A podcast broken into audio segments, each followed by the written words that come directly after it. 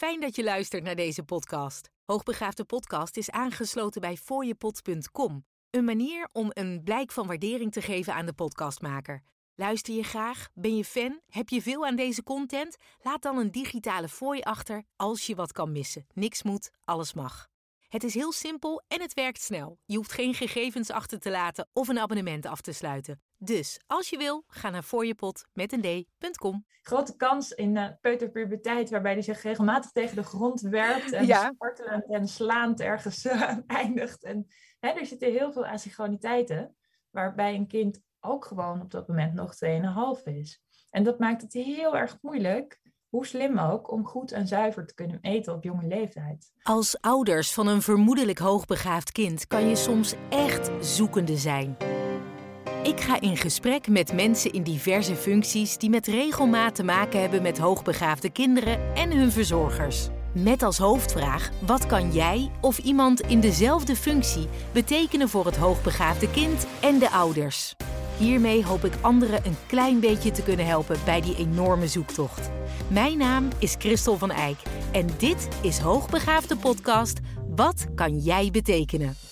Vandaag ga ik in gesprek met iemand die heel veel weet van IQ-testen. Ze kan ze niet alleen afnemen, ze heeft er ook eentje gemaakt.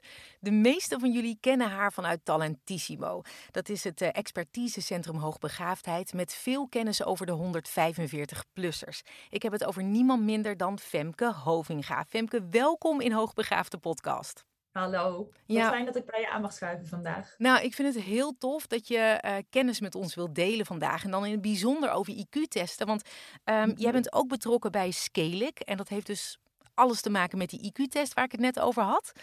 Klopt. Ehm, nou, weet je, eh, laten we gewoon beginnen bij iets eh, waar heel veel online over te vinden is. We springen in de performale kloof, wat mij betreft, om mee te beginnen. Want ja. eh, wat is dat nou precies? Je hoort er zoveel over. Ja, nou, ik moet dan beginnen met dat het eigenlijk niet meer zo actueel is, gelukkig. Ah. En dat is iets wat echt met de WISC 3 te maken had. Mhm. De WISC 3 is sinds ongeveer 2,5 jaar niet meer in gebruik. Of eigenlijk zou niet meer gebruikt moeten worden, Ja. want er is een opvolger.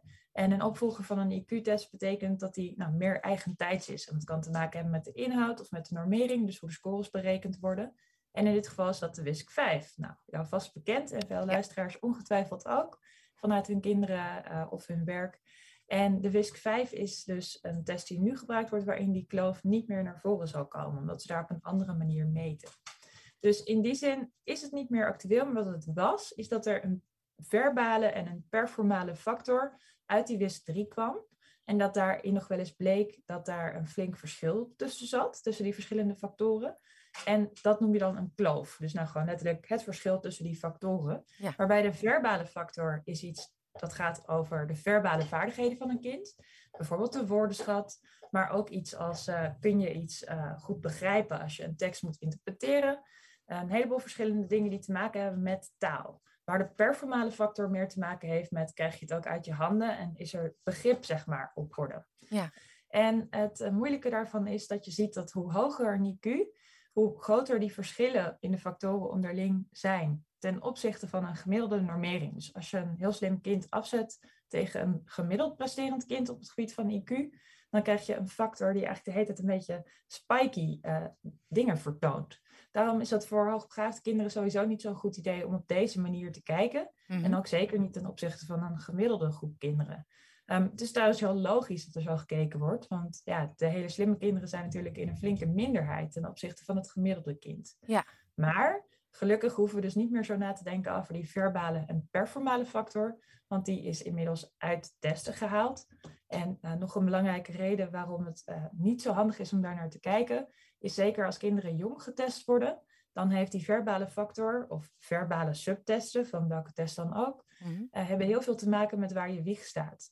Dus als je bijvoorbeeld in een gezin opgroeit waar de krant gelezen wordt, waar je naar actualiteiten kijkt, waar je voorgelezen wordt, waar uitdaging op maat beschikbaar is, als er iets aanvullends nodig is, dan wordt het geregeld. Dan heb je bijna per definitie al een voorsprong ten opzichte van een kind waarbij dat niet zo is. Ja. Of bijvoorbeeld een kind waar thuis een andere taal gesproken wordt. Mm. Zo zijn er bijvoorbeeld testen waarbij je allemaal namen moet onthouden. En ja, we zijn in Nederland, dus Nederlandstalige IQ-test. En soms zijn die namen dus dingen zoals Klaasje, Pietje, Jantje. Nou, stel dat Ah. je een vrij jong kind aan het testen bent, van een jaar of vijf of zes, en hij of zij spreekt thuis alleen maar, eh, nou, bijvoorbeeld Arabisch of Roemeens, of in elk geval een, een niet-Nederlandse eh, context thuis. Ja, ga maar eens onthouden, Pietje, Klaasje, weet ik veel wat. Ja, dat is hartstikke ingewikkeld dan. aan- Ja. Ja, het is hetzelfde als aan ons vragen om een hele lijst Arabische namen te onthouden. Gaat niet lukken. Nee, ja, ik eh, moet je zeggen, ik vrees dat ik ook niet zo'n beste score ga halen. En nu is het zo dat dus die performale kloof eigenlijk dus langzaam naar de achtergrond gaat verdwijnen. Omdat de WISC 5 er is. Ehm, maar je hebt dus ook de Kikt Plus. En daar heb eh, jij eh, van aan de wieg gestaan. Eh, de- ik gooi hem er maar meteen in, want ik wilde er graag met je over hebben op het moment dat het zo mooi voorbij kwam. Dat is nu al. Ehm, want jullie hebben heel veel van die dingetjes eruit weten te halen. Kan je Ja, daar iets over vertellen? Ja, nou, we begonnen in eh, 2018 met het idee van, nou, wat is dat toch met die testen? Want heel veel slimme kinderen lijken er of niet goed uit te komen of scoren een plafondscore, dus 145 plus. En ja, we weten dan helemaal niet, hebben we het over 146, hebben we het over 210? We kunnen er ook niks mee, want ja, waar stuur je dan op? Mhm. En ja, wat gaat daar nou toch allemaal mis voor deze doelgroep? Dus toen zijn we ons eh, gaan inlezen. En ons is eh, Yvonne Kramer en ik. Yvonne is wiskundige van huis uit. En ook zelf hoogbegaafd. En zo hebben we elkaar ook ontmoet. Zij schreef daar een testimo aan met... Goh, wat leuk wat jullie doen. En goh, we eens koffie drinken? Ik nou, altijd goed, kopje koffie. En eigenlijk hadden we heel snel in de middag... We zaten te brainstormen. Zeiden, nou, dat kunnen wij beter. Nou, dat is natuurlijk lekker naïef. Wauw. Want ja, dat kunnen wij beter als je allemaal grote uitgevers eh, hebt... die allemaal testen ontwikkelen... en daarvoor de materialen en de middelen hebben Ja. ja, dan is het best wel een ding om dat even te zeggen. Maar niet gehinderd door enige voorkennis zijn we gewoon begonnen. En eh, we hebben heel veel gelezen vanuit wetenschappelijke literatuur en van wat er al was. Heel veel ouders gesproken en hun kinderen natuurlijk, want daar gaat het uiteindelijk om. Ja. Maar ook professionals op het gebied van testen, mensen uit het onderwijs. En ongeveer iedereen die we konden bedenken hebben we uitgebreid doorgezaagd met al onze vragen over wat moeten we hiermee doen. En daar kwamen best een aantal valkuilen uit. En een van die valkuilen was bijvoorbeeld dat heel veel vragen best wel ambigu kunnen zijn. En daarmee bedoel ik dat eh, het lijkt alsof er meer antwoorden goed kunnen zijn, of dat je niet precies weet wat je nou als antwoord moet geven, überhaupt. En een voorbeeld daarvan is in een van de testen die eh, voor de Cake Plus al bestond, zit een vraag van een, een boompje, een lijntekeningetje, gewoon zo woep. En daarin twee appeltjes die eh, nou, hangen in de boom. En de vraag daarbij is, hoeveel appeltjes hangen er in dit boompje? Nou, als je daar een slim kind neerzet, in dit geval is het een meisje van vijf, komt thuis tellen tot weet ik hoeveel. En maakte allemaal sommetjes en was heel erg bezig met cijfers, vond het hartstikke leuk. En kreeg dus die vraag waarop eh, de tester zei, joh, nou ja, we hebben beperkte tijd, dus geef me snel een antwoord. Hè? Tijdsdruk zit er ook in. Ja. Vervolgens, uh, dat meisje begint heel erg te wiebelen en twijfelen. Van ja, nou, ik weet het allemaal niet. Ja, hmm, hmm. En die tester vroeg zich af van ja, wat gebeurt hier nou? Een heel slim meisje, doet thuis tellen, doet van alles. Dit is alleen maar 1, 2. Nou, zegt de tester, we hebben nu nog echt een paar seconden. Geef me een antwoord. Ah, Oké, okay, uh, 4. Gos, ja. 4. Hmm, Oké. Okay. Nou, je moet een test afbreken als er een aantal foute antwoorden achter elkaar is. Wat de reden daarvan ook is. En je mag niet tijdens een test zeggen, huh, vier? Jeetje, nou, uh, nou, ik snap het niet zo goed, want je kunt toch tellen? Want ja, dan impliceer je natuurlijk dat een kind een fout antwoord geeft. Dus wat de tester deed, is uiteindelijk de test afbreken. En daarna vroeg hij van, joh, wat gebeurde daar nou? Want ik weet dat je heel goed kunt tellen. Nou, zei het meisje, in een appelboom hangen natuurlijk nooit maar aan één kant appeltjes. Dus als je denkt aan een appelboom, ja, de voorkant, de achterkant, ja, het is natuurlijk ook rond. Dus ja, het kan maar zo dat het er twee, vier, zes, acht, misschien nog wel meer. Maar ja, op basis van de symmetrie, want ik dacht de testmakers, die zullen vast willen weten hoeveel dan voor en achter samen is. Dus toen dacht ik vier. Kortom, je Jeetje. meet helemaal niet wat je wilt meten. Nee. Want dit meisje kon prima tot twee tellen, sterker nog, die kon veel meer. En dat was eigenlijk de vraag, kun je wel tot twee tellen? Maar doordat ze veel te complex dacht en ook nog een beetje zenuwachtig werd van die tijdsdruk, kwam er eigenlijk iets uit wat helemaal niet paste bij wat ze zochten. En dat is zo onwijs zonde, want dan ben je dus iets aan het meten wat je helemaal niet wilt meten. Nou, dit was een van die voorbeelden waarvan we dachten van ja, maar huh, dit willen we toch helemaal niet op deze manier. We willen juist in kaart brengen uh, nou, wat het motorpotentieel is en niet hoe snel de auto rijdt, zeg maar. Ja. En toen zijn we begonnen met kijken, wat weten we nou uit de wetenschap en met al die mensen die we hebben gesproken en hoe kunnen we dat anders doen. En op basis daarvan hebben we de Plus gemaakt. Nou, een heel panel aan kinderen erop losgelaten om ons te vertellen wat er leuk was, stom, wat er klopte, wat er onduidelijk was. En zo hebben we steeds nieuwe rondes gehouden tot we een test hadden die en goed kon meten en ook leuk was voor kinderen. En passend bij hun uh, nou, denkwijze, zeg maar. En, is er dan een, eh, een organisatie of een instituut die dat dan moet goedkeuren officieel? Dat, dat daarmee gewerkt mag worden? Of? Uh, nee, dat hoeft niet. Maar in Nederland, jij kent ongetwijfeld zelf de COTAN. Veel ouders zullen die naam ook wel iets zeggen en scholen zeker, want die vragen vaak ook om rapporten. Ja. De COTAN is een vrijwillige organisatie, een soort commissie die kijkt naar de verschillende psychometrische instrumenten in Nederland. Nou, dat zijn dus intelligentietesten, maar het kunnen ook andere dingen zijn. Mhm. uh, bijvoorbeeld verder onderzoek naar, laten we zeggen, ADHD of autisme spectrumstoornis. Dus alles waarmee wordt gekeken naar psychologische meetbare zaken, uh, gaat in principe langs de COTAN. En dat is niet omdat het moet, maar dat is gewoon omdat we het in Nederland heel belangrijk vinden om een keurmerk te hebben. Uh, een soort uh, een, ja, een externe validatie. Ja. En wat de COTAN vervolgens doet, is een oordeel geven. Dus zij zeggen dit is onvoldoende, voldoende of goed. En op basis van dat onvoldoende, voldoende of goed hebben ze uh, vervolgens uh, een rapport.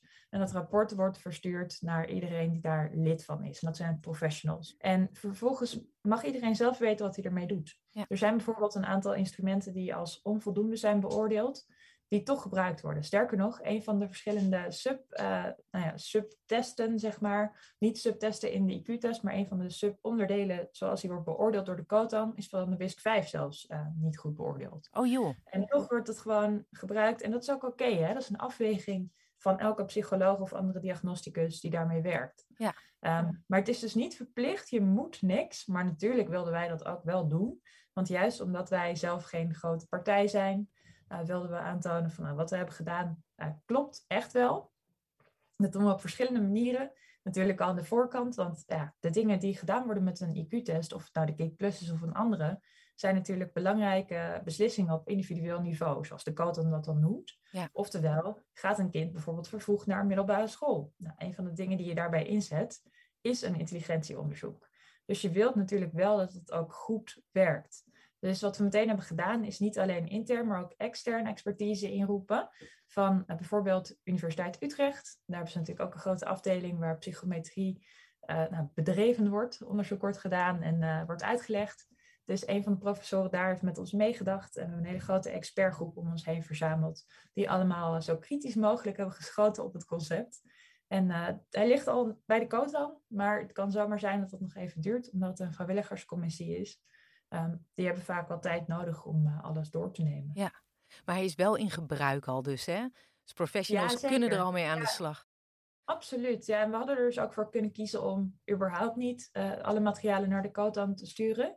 Um, maar we willen dat gewoon graag vanuit uh, nou, ja. een dubbele zekerheid doen. Ik dus nee, het kan gewoon gebruikt worden en daar verandert niks aan als er een oordeel van de COTAN is. Zelfs als het onvoldoende zou zijn. Wat we niet denken overigens hoor, want we hebben alle checklists van de COTAN uitvoerig doorlopen en alles goed bekeken.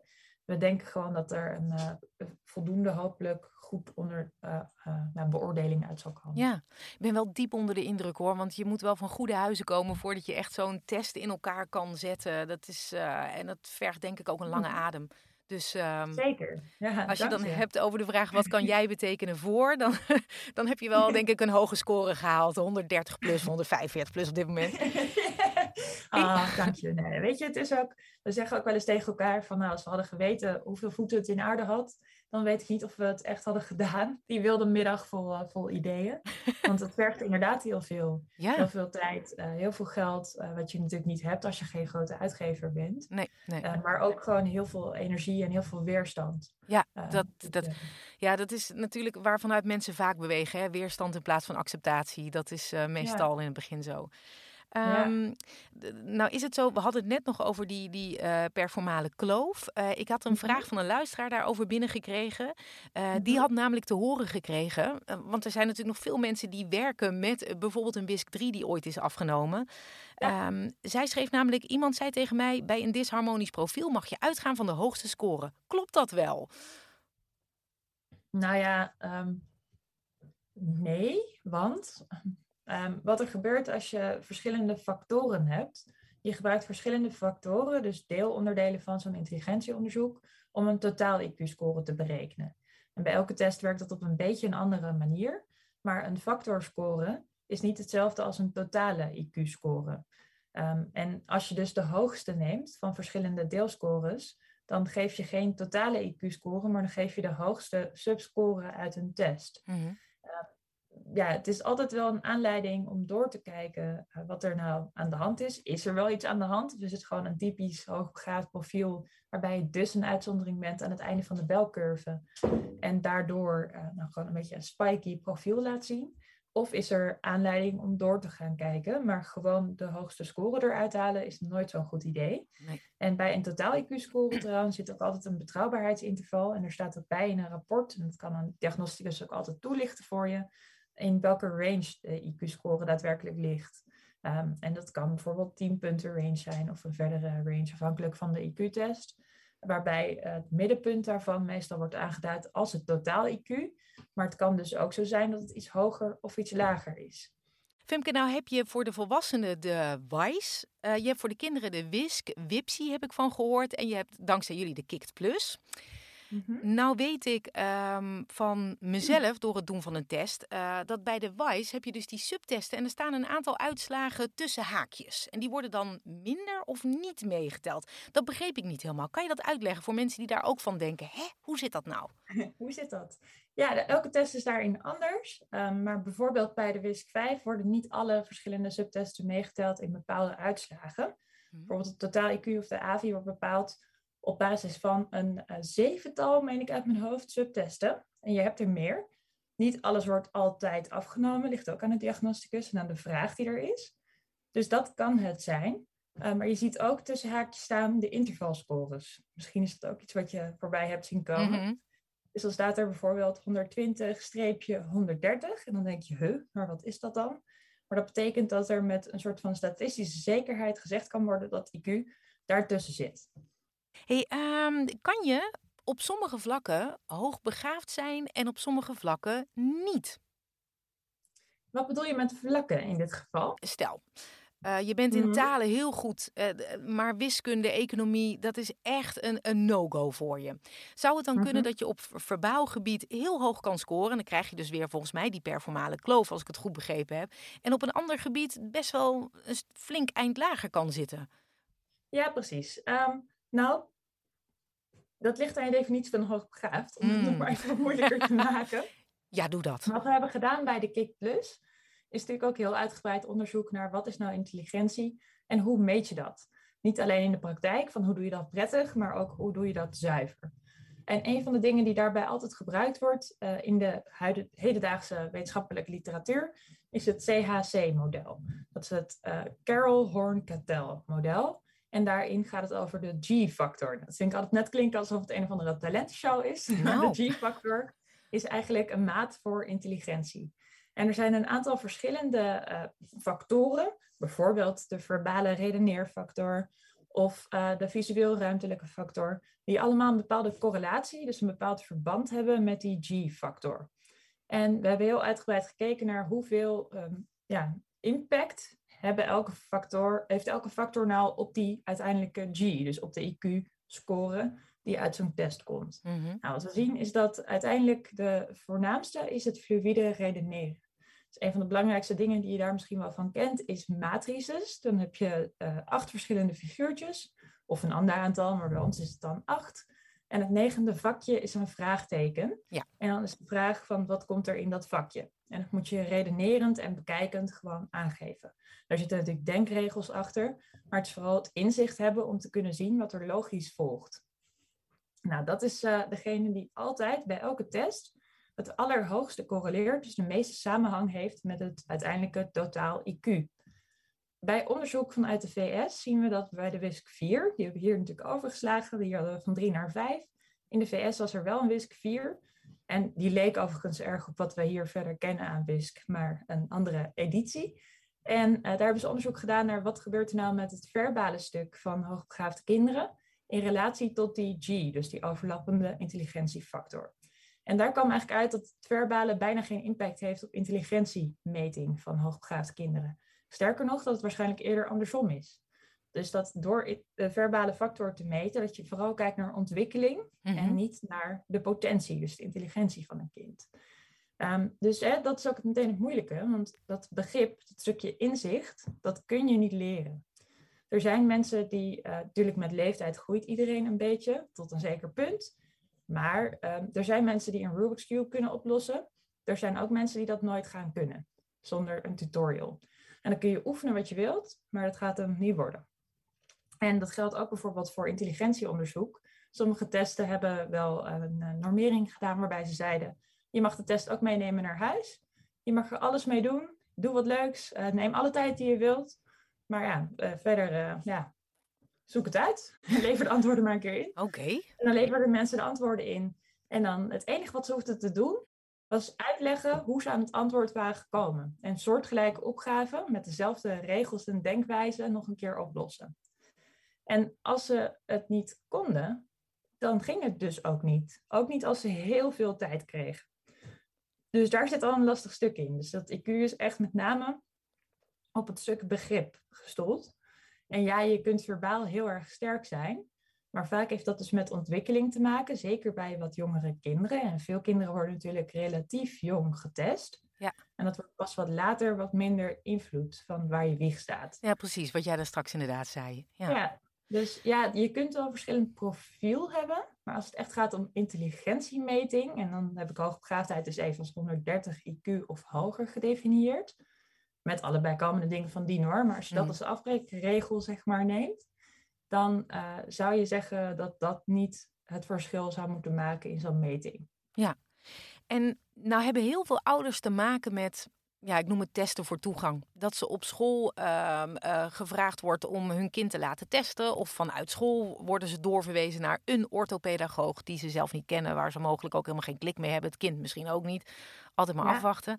Ehm, die test moet op tafel komen, want eh, pas als het kind 130 scoort, mag het naar de plusklas. Ik, ik spreek heel veel ouders die dan een kind hebben die van 120 tot 128 scoort. Of weet je wel, de- de- de- alles daartussenin. En die ouders Ja. die balen natuurlijk als een stekker. Want het kind mag pas naar de plusklas als daar 130 staat.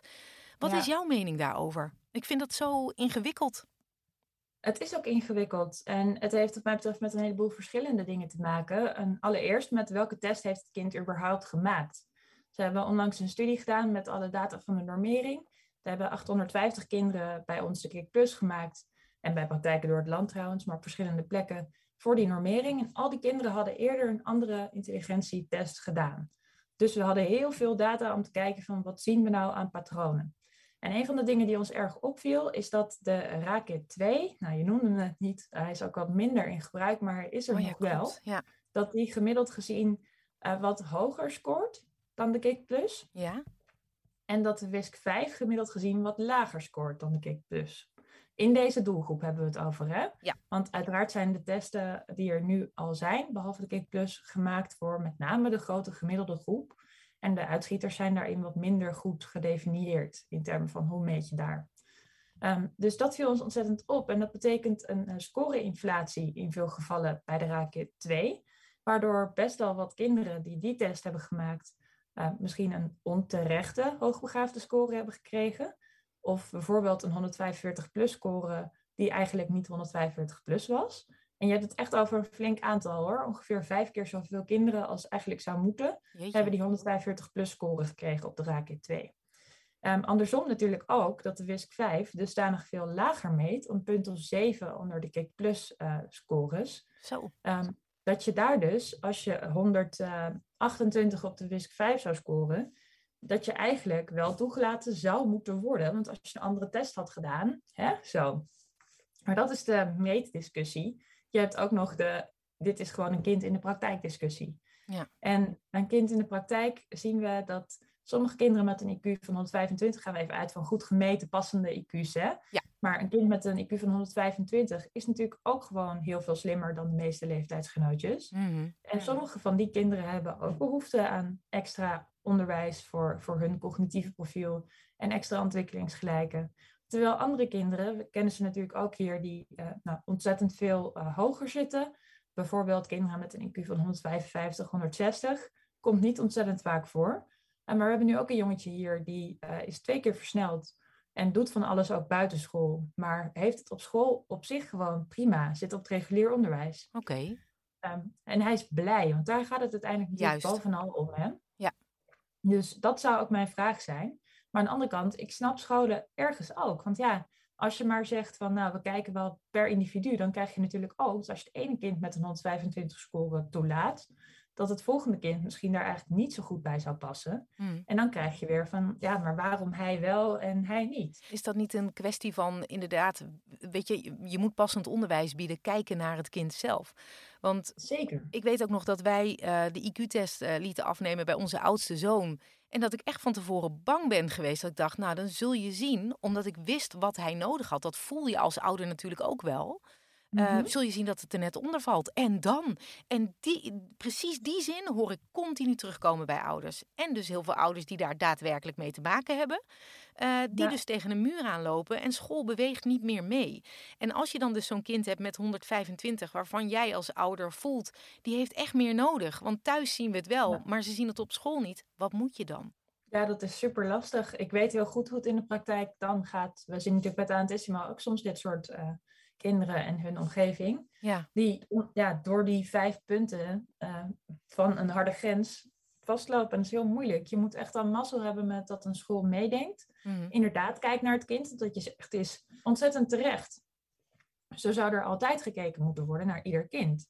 Alleen de ervaring leert inmiddels eh, dat het niet altijd eh, zo gebeurt. nee. Um, er zijn scholen die dat goed kunnen en heel graag willen. Ook gewoon regulier onderwijs. Ja, Er bestaat echt, uh, ja, ik hoor ook heel vaak van, nou, daar moet het sowieso niet. Dat is niet altijd waar. Maar we kennen ook echt de verhalen waarbij het helemaal niet goed gaat. Waarbij er echt niet wordt gekeken en het inderdaad zo'n punt is van, oh, maar 125 is niet hoogbegaafd. En dan vraag ik me altijd af of mensen dan denken dat er een soort van knopje in zit. Zo van, als we dit omzetten, dan is hij wel hoogbegaafd. En dat komt precies bij 130. ja dan, dan kan de schakelaar om. geval. Ja, Ja, nee, definities is dat misschien zo.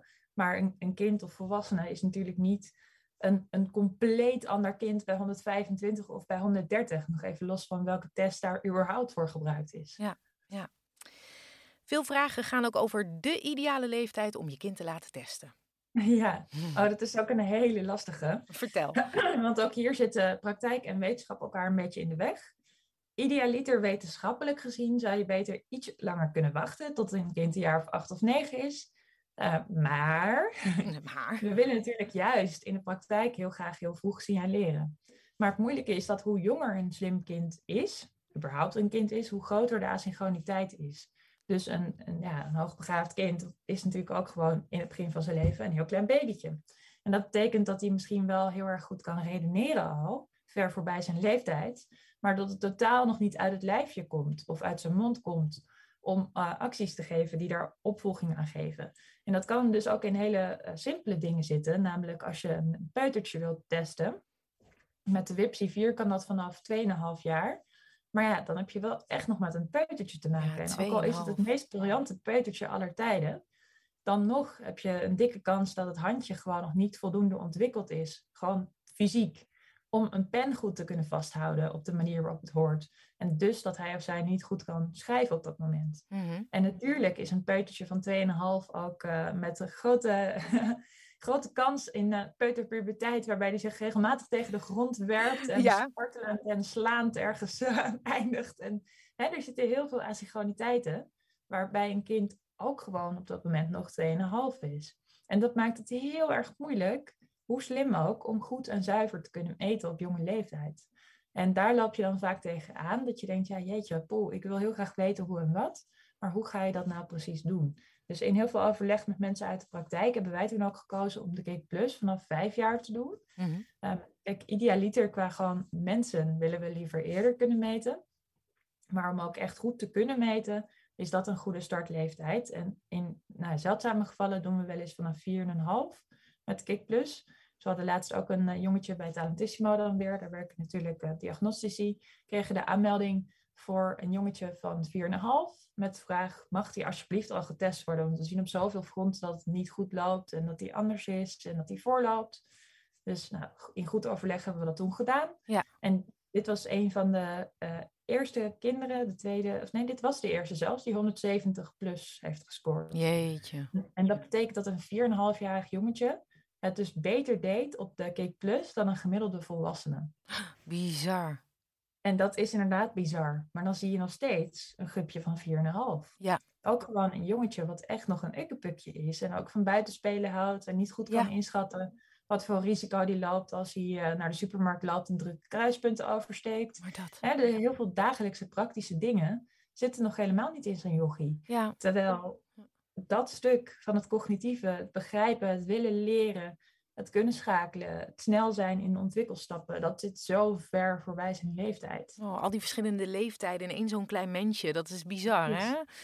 Ja, dat is het. Ja, en heel lastig. Want ja, hoe ga je dat goed begeleiden? Ja. Dan kom je al snel op maatwerk uit. Ehm, wat eigenlijk het beste zou zijn. Alleen, ja, hoe ga je dat dan praktisch weer vormgeven? Ja. En dat is het moeilijke in de praktijk. Een vraag van een luisteraar. Die schreef uh, vermoeden van hoogbegaafdheid bij jonge kids. Zitten lekker in hun mhm. vel, geen problemen so far.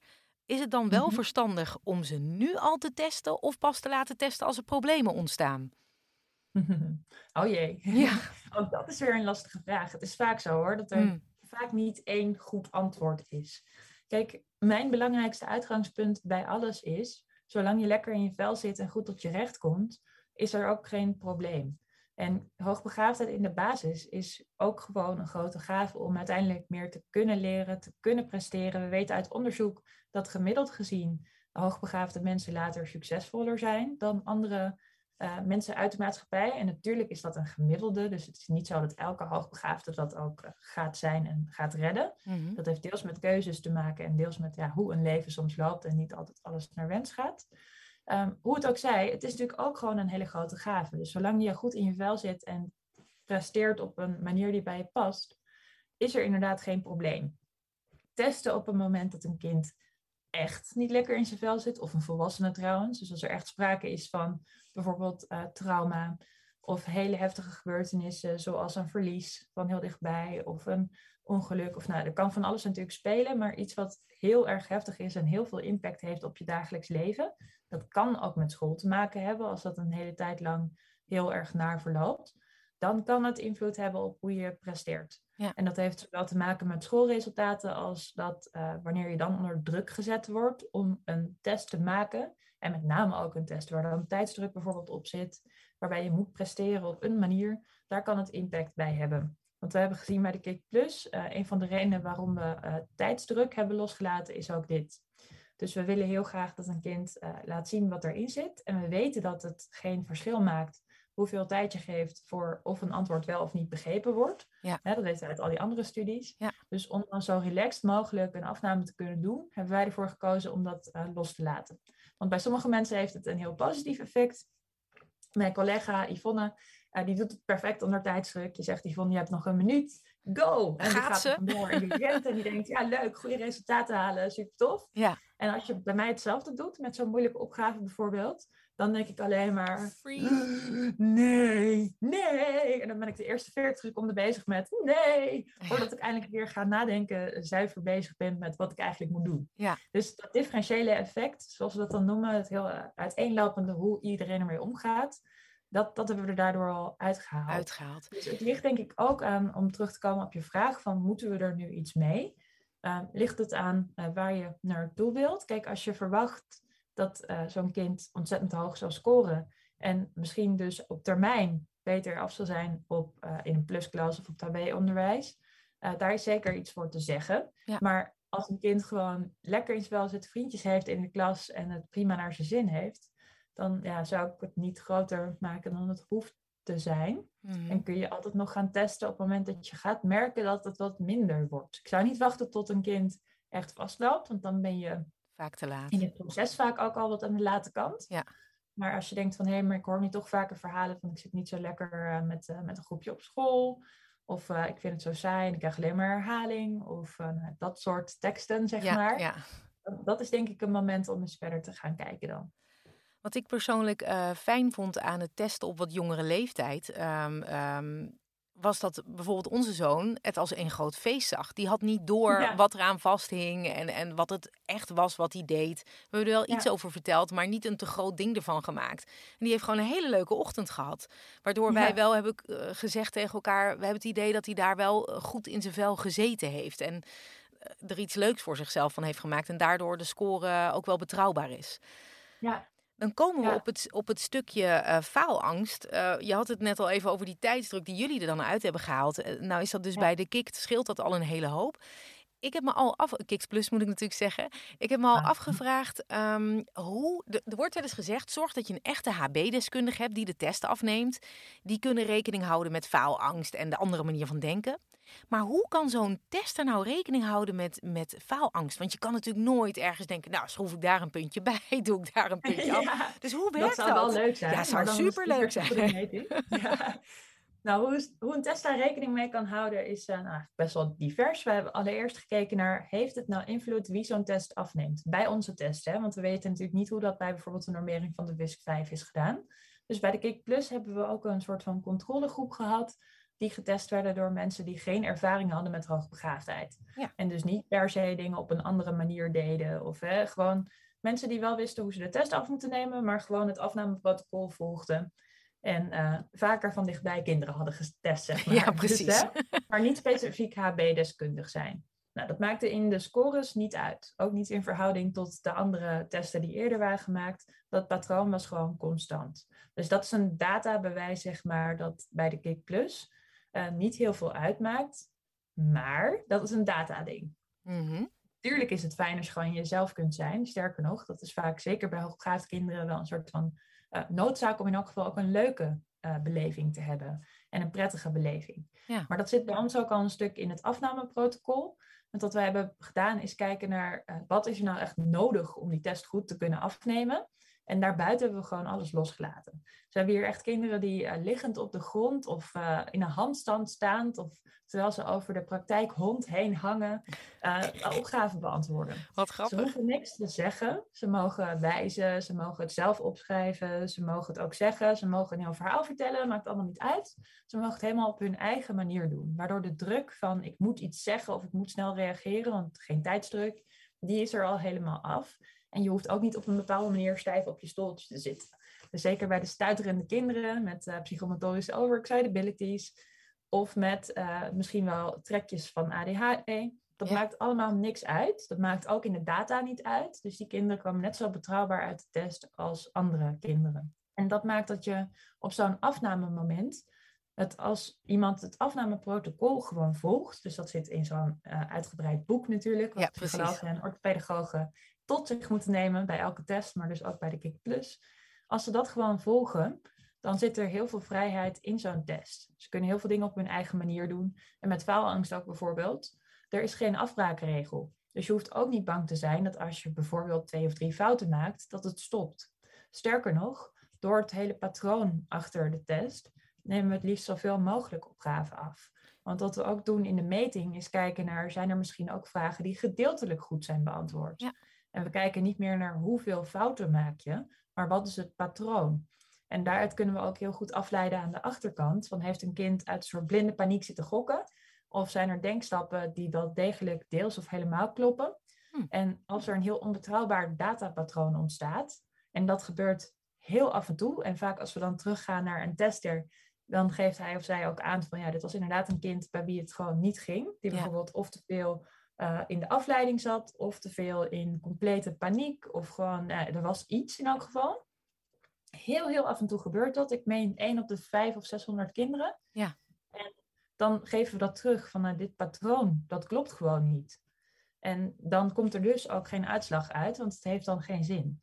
Dus je kunt faalangst datamatig en afnametechnisch ondervangen in zo'n test. Maar ik vind het wel heel interessant wat jij zegt, in ieder geval bij jullie test die jullie ontwikkeld hebben, dat dus datamatig uh, wel of geen HB-deskundige dus klaarblijkelijk niet, niet uitmaakt. Want ik weet dat bij de ouders onderling wordt elkaar vaak geadviseerd, neem iemand die deskundig is op het gebied van HB.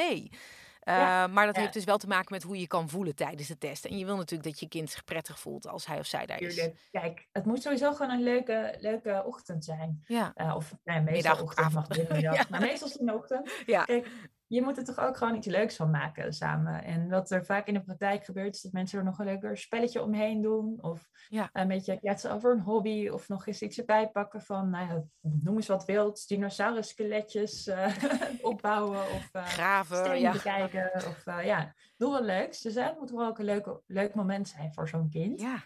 En kijk, ik denk dat met een andere test het wel degelijk uit kan maken. Maar je loopt het risico, en dat is altijd een heel uh, slippery slope, zoals we dat dan zo mooi kunnen zeggen. Mhm. Als je echt kijkt naar wat zie je voor je neus, uh, kun je vaak het afnameprotocol niet meer zo heel goed volgen. Bijvoorbeeld, als je dat voorbeeld met het uh, boompje weer hebt, met de twee appeltjes. Een tester mag daar niet zeggen, hey, maar voordat we begonnen heb je nog tot 30 geteld voor me. Mhm. En als je dat wel zou doen, dan zou ze waarschijnlijk het goede antwoord geven. Ja. Maar als je dat doet, dan ben je dus het afnameprotocol niet meer aan het volgen. En als je het dan heel strikt neemt, dan mag je die testuitslag ook niet meer afgeven. En dit is dus het hele moeilijke, want je kijkt naar een, een kind, een mens, je wilt gewoon het beste uit dat mens zien te halen. Of je nou een HB-specialist bent of niet, dat maakt eigenlijk al niet zoveel uit, want je wilt gewoon graag het potentieel zien. Ja. Maar op het moment dat je dus die regels gaat overtreden, dan wordt het weer heel lastig. Want dan ben je een protocol niet aan het volgen. Hmm. En wat wel scheelt met de Kik Plus is denk ik, het, het, de naam zegt het ook al, hè, de intelligentietest plus. Dat betekent ook, in ons netwerk zitten alleen maar uh, mensen die interesse hebben in meer een hoogbegaafdheid. Want je gaat hem inzetten als je daar het vermoeden van hebt. En als Ja. je complete oogkleppen op hebt, dan ga je dat niet doen. Nee. En dat betekent overigens niet dat we alleen maar HB-specialisten hebben. We hebben ook grote jeugdzorginstellingen bijvoorbeeld eh, inmiddels eh, als eh, afnemers van de KIK Plus. Ehm, maar dat zijn dan wel de, de poppetjes daarbinnen, zeg maar. De diagnostici of de andere betrokkenen. Die kijken dan wel verder. Die al verder En kijken, dat- ja. Dat moet je hebben, uiteindelijk. Dat is een mooie eh, ontwikkeling, ja zeker. Absoluut, ja. Nou had je het er straks al heel even over ADHD. Ehm, je hebt natuurlijk de twice exceptional kinderen. Ehm, Ja. Dat is voor die ouders echt wel een uitdaging. Want die hebben soms met Zeker. twee dingen te maken die eigenlijk niet in één persoon verenigd eh, kunnen worden. Gek genoeg. Maar het is wel zo. Ja. Hoe werkt dat met een, een IQ-test? Met die van jullie, maar ook mogelijk met anderen. Kun je dat zien? Heeft dat invloed? Het is een brede vraag, maar je begrijpt Ja. denk ik waar ik heen wil. Ja, nou ja, kijk, een IQ-test wordt natuurlijk altijd afgenomen door een één persoon. Het is altijd één op één intelligentieonderzoek. En dat betekent ook dat de persoon die zo'n kind zal testen, observaties doet. En uit die observaties kun je vaak aanleidingen halen voor verder onderzoek. Waar, waar van toepassing hoor, dat is natuurlijk lang niet altijd het geval. Maar natuurlijk, als je een kind hebt wat echt met geen enkele manier eh, tot focus te brengen is. Ook niet als het wel boeiend is. En ook niet als hij of zij wel eh, dat even nodig heeft om gefocust te blijven. Ja, dan heb je in elk geval aanleiding om verder te kijken. Dat betekent helemaal nog niet direct dat daar een label op moet, om het maar even zo te zeggen. Maar dan is de aanleiding er zeker om eens verder te onderzoeken wat er aan de hand is. Want welk stickertje er ook bij past, het is voor een kind sowieso niet fijn als je met geen enkele mogelijkheid ergens op gefocust kunt blijven. Nou, Hmm. dat gebeurt wel eens. Maar we hebben ook wel eens eh, kinderen die bijvoorbeeld tijdens een hele afname geen woord zeggen. Dat mag hoor, bij de kikt in elk geval. Niet Ja, precies. Ehm, dat mag. Dat is helemaal niet erg voor deze meting. Maar ook dat zou bijvoorbeeld wel een reden kunnen zijn om eens te kijken van goh, wat is daar aan de hand? Is het een heel verlegen kind? Was die angstig? Of vindt hij sociale interactie heel moeilijk? Maar dan heb je dus wel al die meting. Eh, bij de WISC 5 zijn er wel andere, eh, en bij andere testen zijn er wel degelijk natuurlijk andere dingen nodig, waardoor het impact kan hebben. Dus een van de andere studies die we hebben gedaan in de normering van de Cake Plus is ook kijken naar kinderen met autisme spectrumstoornis. Ja. Hoe zij presteerden op een andere intelligentietest en hoe ze dan vervolgens presteerden bij de Cake Plus. En ze komen gemiddeld dan ook iets hoger uit de Cake Plus. En dat heeft waarschijnlijk te maken met ja, de andere afnamecondities Ja. eh, van de test. Dus het protocol sluit beter aan bij dubbel bijzondere kinderen. En hetzelfde geldt trouwens ook voor bijvoorbeeld dyslexie, dyscalculie, eh, kleurenblindheid. eh, allemaal dingen die we hebben geprobeerd te ondervangen, doordat er gelukkig al best wel wat literatuur over was en heel veel inzicht uit de praktijk. Maar dat betekent niet dat inderdaad elke andere test daar ook geschikt voor is. Nee. En dat is best lastig. Dus het stukje dubbel bijzonder ga je nooit uit ge- ja, bij geen enkele test, zeg maar, uit zo'n afname halen. Maar uit zo'n afname kunnen wel eh, clues komen, aanleidingen om verder te kijken. Ja. En ehm, ik merk vaak dat ouders daar ook soms een beetje bang van worden. Van, oh, als u maar geen label krijgt. Mhm. En hoewel ik goed begrijp dat je dat misschien uh, denkt, wil ik ook nog wel zeggen dat het ook juist wel, stel dat het aan de hand is, echt wel helpend kan zijn. Ja. Omdat als je weet dat je een heel erg hoogbegaafd kind hebt, met bijvoorbeeld ADD of ADHD, of dyslexie, dyscalculie, autisme spectrumstoornis, noem het allemaal maar, dan kun je wel de juiste handvatten gaan krijgen. Terwijl als een kind over het hoofd wordt gezien, dat er wordt gezegd hij is hoogbegaafd en een beetje bijzonder, dat kan hè ik ben zelf ook hoogbegaafd en een beetje bijzonder. Maar je hebt genoeg mensen die inderdaad gewoon niet standaard zijn. En met wie je op basis van hun gedragingen best veel boxjes af kunt vinken mm. van bepaalde diagnoses uit de DSM. Dus de, de diagnosebijbel van de diagnostici, zeg maar. Ja, precies. Maar dat hoeft niet altijd zo te zijn. Maar als het wel zo is, uh, dan kan het ook nog over het hoofd gezien worden. En dan wordt het vaak alleen nog maar lastiger. Ja. Dus mijn advies is, wees er niet al te uh, bang voor, maar zoek wel in dat geval zeker wel iemand op die echt HB-expertise heeft. Uh, want het is heel makkelijk om een checklist in te vullen en te denken, oh, dat is een autist. Terwijl dat hoeft echt niet zo te zijn, maar het kan wel. En daar is een heel dun lijntje tussen een goede diagnose, geen diagnose, een goede behandeling, geen behandeling. En eh, zoek daar dus echt iemand die heel goed bekend is met hoogbegaafdheid en diagnostiek in bredere zin. Ja, want het kan zoveel invloed hebben als er iets uh, gediagnosticeerd wordt wat misschien niet zo is. Eh, dat is ja. heel heftig. We hebben heel veel kinderen hier gezien die binnenkwamen met autisme spectrumstoornis en opeens bij ons uh, niet autistisch bleken te zijn. Hmm. En dat is heel sneu, want het is helemaal niet erg om autistisch te zijn, maar als je dat niet bent, je krijgt wel het label en iedereen gaat je behandelen alsof je ja, uh, ontzettende behoefte hebt aan structuur op iedere pagina. Want dit is goed voor je en dat is goed voor je. En dit protocol doen we altijd met kinderen met autisme. Dus dat gaan we nu ook met jou doen. Dan voel je, je natuurlijk ook niet meer gezien zoals je bent. En dan, ja, veel kinderen die hier dan binnenkwamen voelden zich ook een beetje kapot als het ware. Mm. Terwijl ze dat helemaal niet zijn. En niet dat je met autisme wel kapot bent. Maar hè, als je helemaal niet gezien wordt voor wie je bent, dan ja, past het al snel niet meer goed. Ja. Um, wat vind jij ervan dat eh, op scholen dus vaak gevraagd wordt om zo'n test voor toegang en dat dan ouders, ehm, als de school het zou vergoeden, door de school naar een bepaalde orthopedagoog of psycholoog doorverwezen worden en dat de ouders verder geen inspraak hebben in wie de test gaat doen of welke test er afgenomen gaat worden? Ja, allereerst, scholen hebben in algemene zin vaak niet zo ontzettend veel geld voor dit soort onderzoek. Um, en dat betekent ook direct dat als zij een mogelijkheid hebben, dat het vaak via een samenwerkingsverband bijvoorbeeld is. En dat er gewoon heel weinig keus is. Um, om het vergoed te krijgen, moet ik dan zeggen. Het staat je uiteraard als ouder altijd vrij om onderzoeken waar dan ook te laten doen. Zolang het natuurlijk een, een ja, gecertificeerd diagnosticus is. Dat is wel een handig uitgangspunt. Ja. Maar verder maakt dat niet heel veel uit. Um, maar extern zijn vaak de wachtlijsten erg lang. Je bent zo een paar maanden, zo niet langer aan het wachten. En uh, bij een school, uh, orthopedagoog of iemand die via school komt, kun je vaak wat vlotter terecht. Um, de keuze voor een test ligt in principe, in overleg natuurlijk met ouders en eventueel school, maar ligt in principe bij de psycholoog of orthopedagoog. Want ouders van slimme kinderen zijn vaak ontzettend goed ingelezen. Um, en dat helpt ook vaak in hè, het samen discussiëren en bekijken over, goh, wat gaan we doen? Ja. Maar uiteindelijk heeft een psycholoog of orthopedagoog natuurlijk daar de ervaring mee en de kennis van. Um, dus die neemt in principe daar de lead in.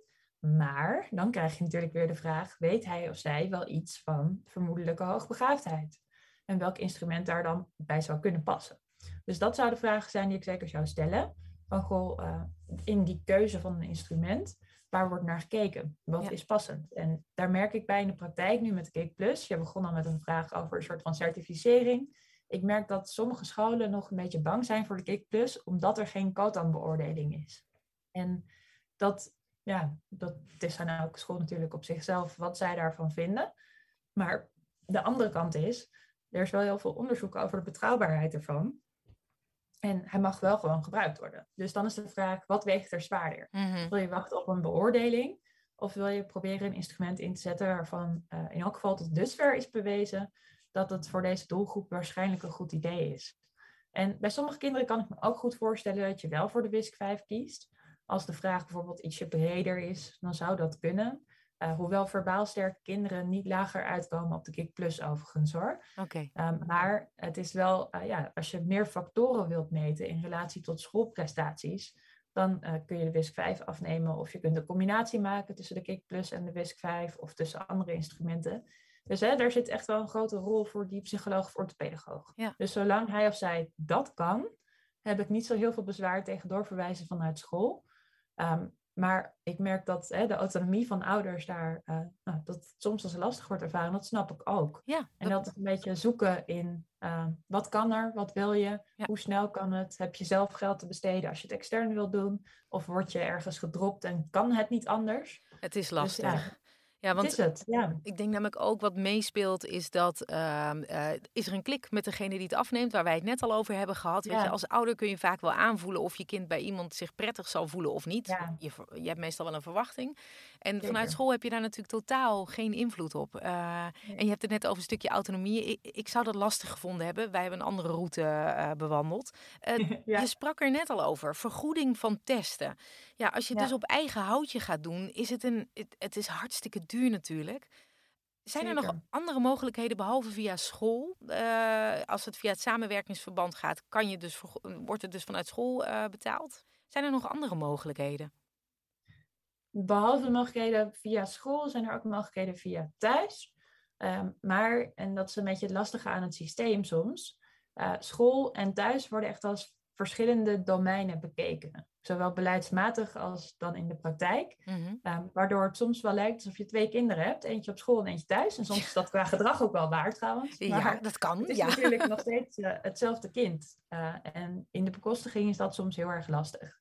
Dus we krijgen inderdaad heel veel vragen ook over hoe kunnen we dat nou toch doen. Want lang niet alle ouders kunnen onderzoek betalen zelf. En dat begrijp ik ook. Het is inderdaad gewoon hartstikke duur.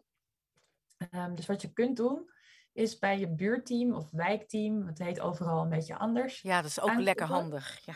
Ja, dat, dat gedecentraliseerde stukje is eh, niet altijd even eh, prettig. Maar je kunt in elk geval in jouw eigen gemeente kijken van, goh, wat, eh, waar kan ik terecht? En wat de gemeente vervolgens gaat doen, is met jou een gesprek voeren. We noemen dat het keukentafelgesprek, maar sinds COVID vrees ik dat het een Zoom-gesprek is geworden. Ja.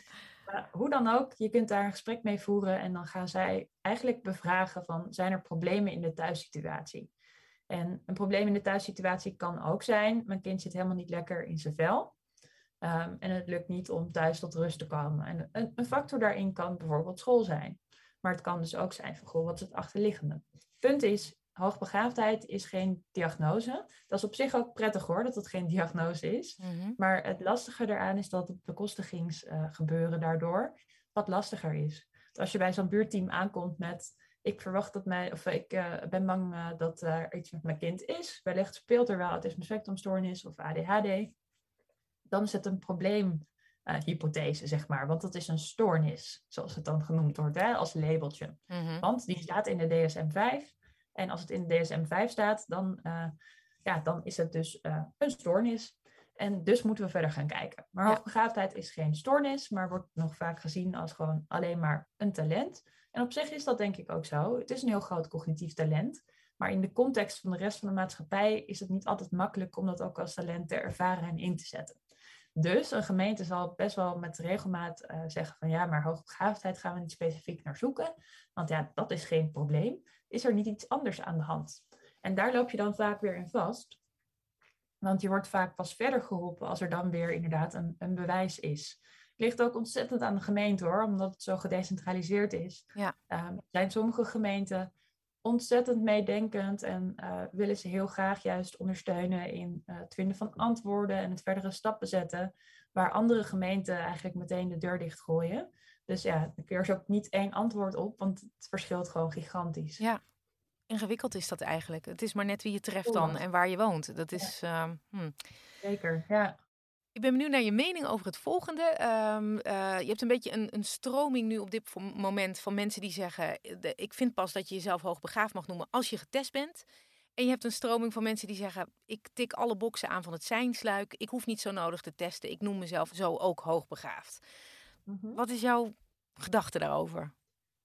Nou, sowieso hoeft van mij niemand te testen. Geen kind en geen volwassene. Mhm. Als je je thuis voelt bij een bepaalde groep, dan is dat helemaal prima. En als dat hoogbegaafden zijn, prima. Als het mensen zijn die van vrachtwagenmonteur uh, technieken houden, ook goed. Het maakt mij allemaal geen bied uit.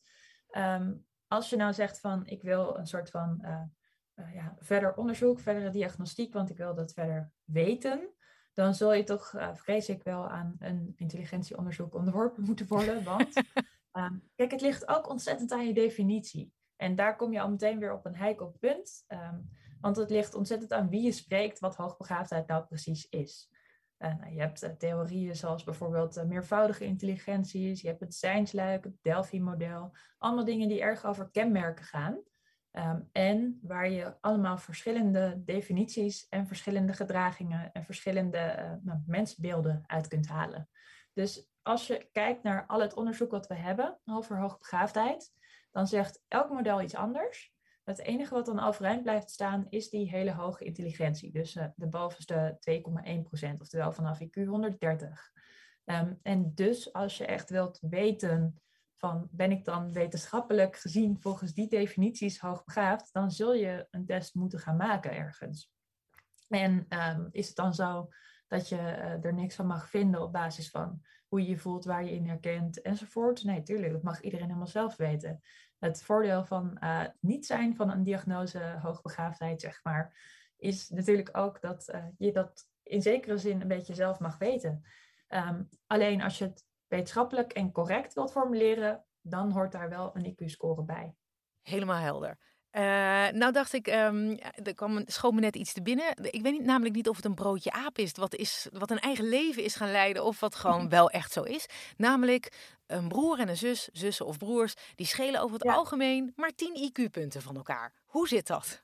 Nou, we weten van hoogbegaafdheid dat er een heel groot stuk genetisch bepaald is. En dat betekent dus ook dat als je een hoogbegaafd kind hebt, dat er een redelijke kans is dat je zelf bovengemiddeld intelligent bent. Mhm. En we weten ook dat we onze partners en vrienden uitzoeken op basis van onder andere IQ. Dat doen we uiteraard onbewust. Je gaat natuurlijk niet bij de eerste date uh, je date een IQ-testje laten afleggen. Ja. Dus dan pas jij wel in mijn regionen. Maar net als dat je met andere kenmerken zoekt naar een match, is onder andere cognitief potentieel ook zo'n ding waarop we onbewust selecteren. Als je weet dat het genetisch behoorlijk uh, erfelijk is, dan geldt dat dus ook voor alle kinderen die je met dezelfde partner krijgt. Wat we hebben gedaan bij de normering van de Cake Plus is ook kijken naar die data. Want we hadden best wel wat broers en zussen. De helft daarvan zit binnen 9 IQ-punten van elkaar. 70% zit binnen 13 punten. En 90% zit binnen 19 punten van elkaar. Wat bijzonder. Dus in algemene zin kun je zeggen, het lijkt erg op elkaar. En uh, die 90% die geeft natuurlijk ook al aan, er zijn ook uitzonderingsgevallen. Ja. En dat kan allerlei redenen hebben. Dat uh, weten we ook niet precies op dit punt, maar dat uh, kan van alles zijn. Maar in algemene zin kun je dus inderdaad wel zeggen van, goh, de kans is groot. En een mooi praktijkvoorbeeld, wat ook misschien voor sommige ouders die luisteren wel interessant is. Uh, we hadden laatst een jongetje van zeven, een kindje dat zich aanmeldde. En hij nou, liet erg vervelend gedrag zien. Dus hij deed andere kinderen pijn, hij riep door lessen heen, hij gooide met boeken. Uh, nou, er gebeurde van alles wat, wat gewoon echt onprettig was. Heel begrijpelijk ook dat de leerkracht daar echt wel moeite mee had. En een van de dingen die we gingen doen was intelligentieonderzoek. Nou, er kwam uit dat hij een IQ van 165 had. En dat is natuurlijk giga hoog. Ja. Veel hoger dan uh, nou, heel veel. Het is 1 op de 35.000 ongeveer kinderen dat hij uh, scoorde. Ongeveer 100% kans dus dat hij in zijn nabije omgeving op school totaal geen ontwikkelingsgelijke of uitdaging vond. En nou, dat verklaarde ook een heel groot deel van zijn gedrag. Want thuis liet hij dat ook eigenlijk niet zien. Alleen op het moment dat hij ontzettend gefrustreerd was.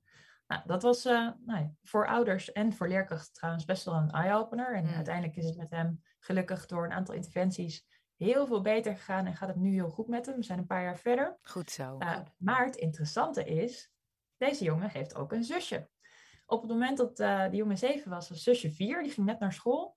En ik vroeg aan ouders en aan leerkrachten van, joh, vertel, wat voor meisje is dat? En moeten we daar niet ook eens naar kijken? Waarop ze allemaal zeiden, joh, nee, nee, Kiki is echt een, uh, een schattig klein meisje, weet je wel, ja, glittertruitjes, houdt gewoon lekker, let heel goed op, niks aan het handje. En ik dacht, niks aan het handje, mm. bewijs mij dat maar eens. Dus ik naar Kiki toe en ik zei, joh, hoe vind je het op school? Ze zat toen net een half jaar op school ongeveer. ja, ja, dat weet je toch wel. Nee, ik ken je nog helemaal niet goed. Vertel. Ja, echt super saai. Ja, ze vertellen alles echt heel vaak achter elkaar. Maar ik let maar gewoon goed op. En dan vindt die juf me lief. Ah, ach. Meisje toch. Nou, dan moeten we toch misschien maar eens even verder kijken. En achteraf bleek ook, ouders zagen dat ook wel thuis. Hè, die deden wel andere dingen dan de leeftijdsgenoten. Maar ja, als je referentiekader een zoontje is met een IQ van 165, is je wereldbeeld toch een tikje anders dan bij de meeste anderen. Ja. Dus uh, dit meisje werd ook getest en bleek een IQ van 155. En oh, ja, het, ja, het is natuurlijk best wel uh, heftig dat zij eigenlijk haar broer nodig had om gezien te worden. En de reden dat ik dit even wilde noemen is dat het vaker zo is dat meisjes over het hoofd worden gezien. Um, maar zij, ja, het is ook echt, je zou er echt niet uit een klas halen. Dit was zo'n meisje waarvan de juf zei, doe mij maar 30 kiki's. Heerlijk zo'n klas. Ja. Lief lachend met staartjes en uh, schattig, oplettend, stilletjes en lief lachend. Ja, ik snap het. Maar het hielp haar natuurlijk niet. Dus ik weet niet hoe ze zich verder had ontwikkeld natuurlijk, want gelukkig is ze vrij vroeg gezien uiteindelijk. Mhm. Ehm, maar het had maar zo gekund dat het nog jaren had geduurd, of dat ze misschien zelfs de hele basisschool niet was opgevallen, als haar broer niet gezien was. Dus ehm, mocht je zo'n soort situatie kennen, of een meisje waarvan je denkt, zit heel liefjes in de klas, maar het loopt niet altijd, dan zeker de moeite om het in elk geval verder te verkennen. Uh, laatste nog, de geldigheidsduur van de IQ-test, daar wordt ook wel eens nagevraagd. Is maar twee jaar geldig, hoorde ik laatst iemand uh, zeggen. Ja, nou wat het is met de geldigheid van de IQ-test, ja, het is een beetje een lastig iets. Um, want een jong kind ontwikkelt zich nog en daarbij kan het een, een tikkeltje uh, variëren. Waarbij ook wel zo is dat als je die verbale factor wat meer wegneemt, dus niet zozeer kijkt naar waar staat je wieg en welke woorden heb je al eens eerder gehoord, dat dat verschil minder groot is. Um, maar de reden dat ik in het begin ook zei van goh, liever testen we ietsje later, is juist dat het dan allemaal wat stabieler is. Ja. Um, als je nou kijkt naar de Kick Plus, dan kun je eigenlijk vrij vlot opnieuw testen, omdat het echt op begrip is. Ja. Um, maar ja, liever wil je natuurlijk niet te snel achter elkaar testen, want waarom zou je dat doen als je een goede meting hebt? En bij de WISC, omdat er zoveel uh, dingen in zitten die gaan over nou, bijvoorbeeld begrippen kunnen onthouden, bepaalde woorden kunnen uitleggen, dat zijn dingen die onthoud je op een gegeven moment. En als je zo'n test dan nog een keer maakt en je weet ze al, ja. dan ben je dus anders aan het meten dan hoe slim ben je. Dus dat is eigenlijk vooral de hertesttermijn waar ze het dan over hebben. En de geldigheid heeft vooral te maken met als je een heel jong kind test, um, ja, dan kan het inderdaad wijs zijn, afhankelijk van welke test en wanneer en hoe en wat, om later nog een keertje te testen. Maar het ligt heel erg aan de test en de context. En sommige praktijken zeggen dan twee jaar geldig. Andere praktijken zeggen weer niks daarover. Sommige scholen eisen iets na een paar jaar. Andere scholen vinden het wel prima. Dus ook dit is net uh, de grillen van de persoon waar je uh, tegenover staat. Jeetje Femke, wat een, een, een schat aan informatie. Uh, ik denk dat heel veel ouders hier heel blij mee zijn. Want stel je denkt aan een test voor je kind... en je staat echt aan, die, aan de vooravond van uh, hè, mogelijk een, een nieuwe um, ja, weg die je inslaat... Uh, dan is het heel bruikbaar. Dat hoop ik. Ik wou dat het ik het een paar jaar geleden had gehad. Ja, dat begrijp ik. Maar dat is ook zo lastig. Want we zien natuurlijk heel vaak in de praktijk dat het zo'n oerwoud is aan informatie en mm. zoveel puzzelstukjes waarmee je dan maar hoopt dat er ooit een puzzel uitkomt. Ja. Dat uh, is ook wel echt het doel waarom we hiermee zijn begonnen. Van laten we proberen om stukje bij beetje dat oerwoud uh, een beetje overzichtelijk te maken met wat routebordjes her en der. Dat je een beetje weet welke kant je op gaat. Ja. En pas klaar zal het wel nooit worden. Maar dat het in elk geval iets overzichtelijker wordt om je weg te vinden. Nou, daar heb je nu aan meegeholpen dankzij uh, Wat kan jij betekenen? Een boel blijkt dus. Dankjewel voor je tijd. Heel graag gedaan. Dankjewel voor het leuke gesprek en uh, veel succes. Wil je meewerken aan deze podcast? Heb je vragen, ideeën of opmerkingen? Stuur dan vooral een mail naar info@hoogbegaafdepodcast.nl. Je kan je ook abonneren op deze podcast of neem een kijkje op de site hoogbegaafdepodcast.nl. Graag tot de volgende.